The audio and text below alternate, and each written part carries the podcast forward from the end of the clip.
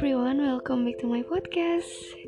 Di episode ke-47 ini um, Gue akan membahas sedikit tentang pertemanan. Ya, gue sedikit membahas ini karena pengalaman sih. Lebih tepatnya kayak pengalaman cara gue berteman mungkin ya. Jadi, uh, kalian sendiri Menurut kalian definisi pertemanan tuh kayak gimana sih? Kalau menurut gue, teman itu adalah tentu orang yang selalu ada di sekitar kita. Dalam hal seneng, susah. Pokoknya mereka selalu ada. Dan mereka juga orang yang mau mau aja gitu dengerin cerita-cerita kita walaupun ceritanya tuh ya itu-itu terus bahkan nggak ada kemajuan. Nggak ada kemajuan sama sekali tapi mereka nggak capek mereka nggak ngeluh untuk kayak apaan sih Chef? Gitu kan. Tapi ada juga sih beberapa yang mungkin kayak saking capeknya saking ngeliat uh, gue kasihan kali ya untuk aduh lo tuh mendingan udah aja gitu. Ya ada juga yang seperti itu. Menurut gue sih uh, mereka itu menarik sih. Unik juga kayak mereka tuh beda-beda karakter yang harus menyatu dengan karakter gue gitu. Menurut gue temen juga adalah orang setiap orang tentunya yang dapat memberikan rasa. Entah rasa senang rasa sedih kecewa marah. Ya rasa-rasa itu tuh yang kita bisa nikmatin bareng-bareng. Banyak orang yang punya teman banyak. Tapi ya nggak sedikit juga orang yang punya pilihan untuk milih temen tuh secukupnya. Ya mungkin gue adalah salah satu orang yang dulu memilih teman itu secukupnya. Tentu pasti setiap orang punya alasan dong kenapa mereka pengen punya teman segini segini. Kalau gue sendiri kenapa punya teman secukupnya bahkan bisa dihitung jari adalah ya mungkin karena gue terlalu takut kali ya. Gue terlalu takut untuk tidak bisa menjadi diri sendiri ketika berteman dengan mereka. Jatuhnya tuh gue malah fake dan mereka juga malah fake. Jadi ya pertemanan yang dijalanin dua-duanya tuh sama-sama fake gitu. Gak bisa untuk jadi diri sendiri. Gak bisa untuk diajak uh, apa ya bercerita soal sesuatu hal yang serius jadi hal itu sih yang bikin gue kayak aduh kayaknya udah deh. Gak perlu teman banyak kayaknya ya dulu mikirnya. Karena ya percuma. Itu bakal sebanyak uh, jadi kalau misalnya gue di link di link apa ya dilingkari dengan pertemanan yang banyak justru yang makin bikin gue sakit sendiri bikin toksik diri gue sendiri juga. Karena karena gue selalu pura-pura gitu kan.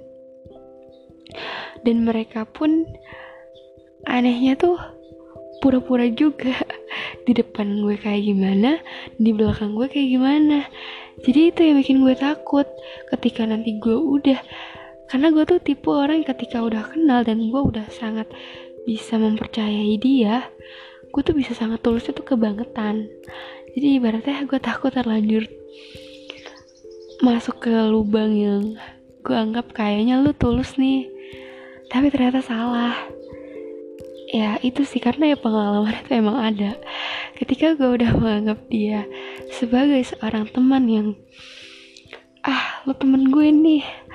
Lo bisa nih gue ajak untuk uh, berjelajah tentang dunia gue juga. Tapi ternyata di belakang gue ada aja satu omongan yang eh kemarin dia gini gini. Gini kemarin dia diem diem nge SS foto lu buat lu tun dia tunjukin ke si ini untuk di ini ini nih kan kayak wow kenapa? Ada yang salah? Gitu kan. Duh ya penyebabnya itu karena kita nggak sefrekuensi. Karena dia mikir uh, gue seperti ini dan gue mikir dia seperti ini. Ya jatuhnya malah jadi fake gitu kan. Dan gue gak mau dong hal itu terus-terusan terjadi. Jadi ibaratnya setelah itu karena mungkin dulu juga gue anak organisasi jadi circle pertemanannya itu bisa dibilang luas. Dari mulai ke kakak kelas iya, ke adik kelas iya, dan bahkan sangkatan pun pasti iya gitu kan. Tapi semenjak kelas 9 sampai SMA uh, temen gue kayak bisa dihitung jari gitu. Dan kelas 9 pun sebenarnya masih masih apa ya belum bisa lepas banyak dengan mereka gitu. Uh, tapi ibaratnya sedikit-sedikit gue bisa pergi dari circle yang gue anggap kayak ah ternyata seperti kayak gini ya di belakangnya. Dan itu tuh ada aja emang yang nyangkut di telinga ketika lagi uh, apa pokoknya ada deh yang bilang kayak eh dia aneh banget sih di les dia ngomongnya tentang lu tuh kayak gini tapi kok di sekolah dia kayak gini gini gini kayak aduh maksudnya kayak ini mana sih yang benar? Gitu kan. Gue gak mau dong hidup dalam ke ke fake kayak gitu kepura-puraan yang kayak bikin jadi gue ngerasa kayak gak nyaman gitu kan. Akhirnya gue bisa lepas dari pertemanan itu sejak kelas 9 dan SMA pun gue sangat bersyukur karena tidak dipertemukan lagi dengan teman-teman seperti itu. Ibaratnya kayak ketemu orang-orang baru yang di dalamnya tuh alhamdulillah itu tulus-tulus banget. Dan waktu itu uh, apa namanya SMA itu mungkin bisa dihitung jari kali ya temen yang benar-benar bisa dianggap temen banget ada kan yang teman yang cuma sekedar say hello? Ada teman yang bisa cuma diajak partner untuk belajar. Ya uh, menurut gue mereka punya kapasitas masing-masing untuk bisa diajak mana orang yang bisa diajak ini mana orang yang bisa diajak itu gitu. Jadi kayak ibaratnya SMA itu tapi gue masih bisa untuk bisa jadi diri sendiri di depan mereka semua. Karena alhamdulillahnya mau temen yang bisa diajak partner belajar doang mau temen yang bisa diajak ini doang tuh mereka uh, tulus-tulus semua alhamdulillahnya. Belum pernah ada yang kayak eh mereka dia tuh gini gini gini. Nggak gak ada sih. Dan makanya sangat bersyukur sekali ketika gue harus masuk ke sekolah itu. Ibaratnya kayak ya Allah mungkin tahu uh, mana tempat yang baik sih untuk setiap hambanya. Dan alhamdulillahnya ditempatkan di tempat yang terbaik. Ya mungkin salah satu alasan gue untuk memilih teman secukupnya itu kayak gitu terus dulu waktu sekolah juga gue takut untuk berteman dengan orang-orang yang sudah terlanjur masuk ke zona kenakalan remaja misalnya. Ya karena gue selalu terimimi dengan kalimat kalau kamu berteman dengan penjual ikan kamu akan ikut bau amis. Kalau kamu berteman dengan penjual minyak wangi kamu akan ikut wangi. Dan waktu itu tuh kayak teriming-imingi kata-kata itu sampai kayak wah berarti kalau gue ketemenan sama orang-orang yang sudah terlanjur masuk ke nakalan remaja gue bakal ikut nakal juga. Gitu. Gue dulu mikirnya kayak gitu jujur. Tapi sekarang setelah masuk ke dunia perkuliahan semua itu everything has changed. Karena ibaratnya kayak uh, sekarang gue tuh dikelilingi circle yang luas. Maksudnya ibaratnya nggak semua bernotaben sebagai anak yang alim anak yang pendiam anak yang baik. Enggak karena ya gue juga jujur gue bukan anak-anak yang bisa dibilang perfect banget juga enggak tapi untuk uh, mencari sebuah teman tuh biasanya ya emang dipilih-pilih lagi yang punya notabene bisa bisa apa ya? Ya terhindar dari kenakalan remaja gitu dan saat kuliah ternyata kita tuh nggak tahu uh, dunia tuh sekejam apa sama kita semua kan. Maksudnya kayak ibaratnya apa hal yang membuat mereka untuk terlanjur masuk ke dunia seperti itu.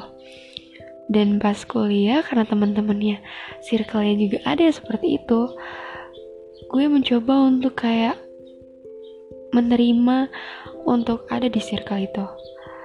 Dan semakin dewasa kita juga semakin sadar kalau ya kita mana tahu dong mana hal yang baik mana hal yang harus kita hindarin. Ya tentu sekarang pun gue merasa kayak walaupun gue bersama dengan mereka gue tahu mana hal yang harus gue hindarin. Sampai akhirnya justru gue punya pemikiran justru bagus kalau misalnya uh, gue bisa ajak mereka naik untuk ke positive vibes gue bisa ajak mereka untuk meminimalisir bad habits mereka. Ya kayak justru lebih baik ketika kita berada di circle mereka ketimbang kita untuk gak ada di circle mereka yang mereka tuh jadi mikir kayak kalau uh, apa circle gue juga kayak gini gue melakukan hal ini jadinya wajar-wajar aja.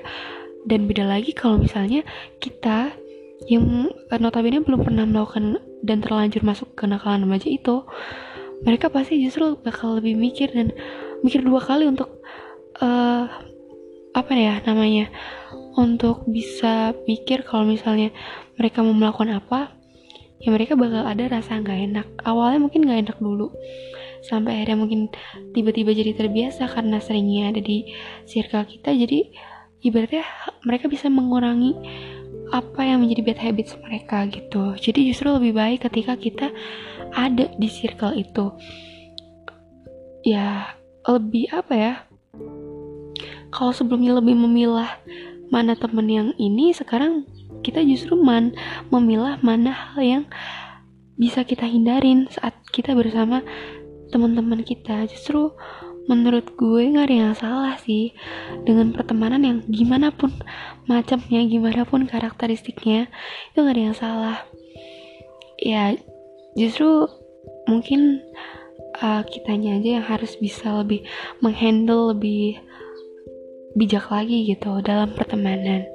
Seperti itu dan alhamdulillahnya sampai sekarang gue masih di lingkup dengan pertemanan yang sangat sehat pertemanan yang sangat baik uh, dan kuliah ini pun ya mungkin gue masih baru untuk terjun ke pertemanan di dunia perkuliahan. Semoga aja masih bisa untuk punya pertemanan yang sehat. Gitu. Jadi untuk kalian gak perlu takut untuk berteman dengan orang-orang yang sudah terlanjur masuk ke dalam kenakalan remaja dan lain sebagainya justru harusnya kita yang bisa ajak mereka untuk jauh lebih baik lagi. Oke mungkin sekian podcast yang bisa gue uh, bawakan di pagi ini. Ini udah mulai terang sih karena udah mulai jam 6 pagi. Dan ya selamat beraktivitas selamat puasa juga. Semoga kita semua selalu dikasih bahagia. Amin ya rabbal alamin okay guys, see you on the next podcast. Bye.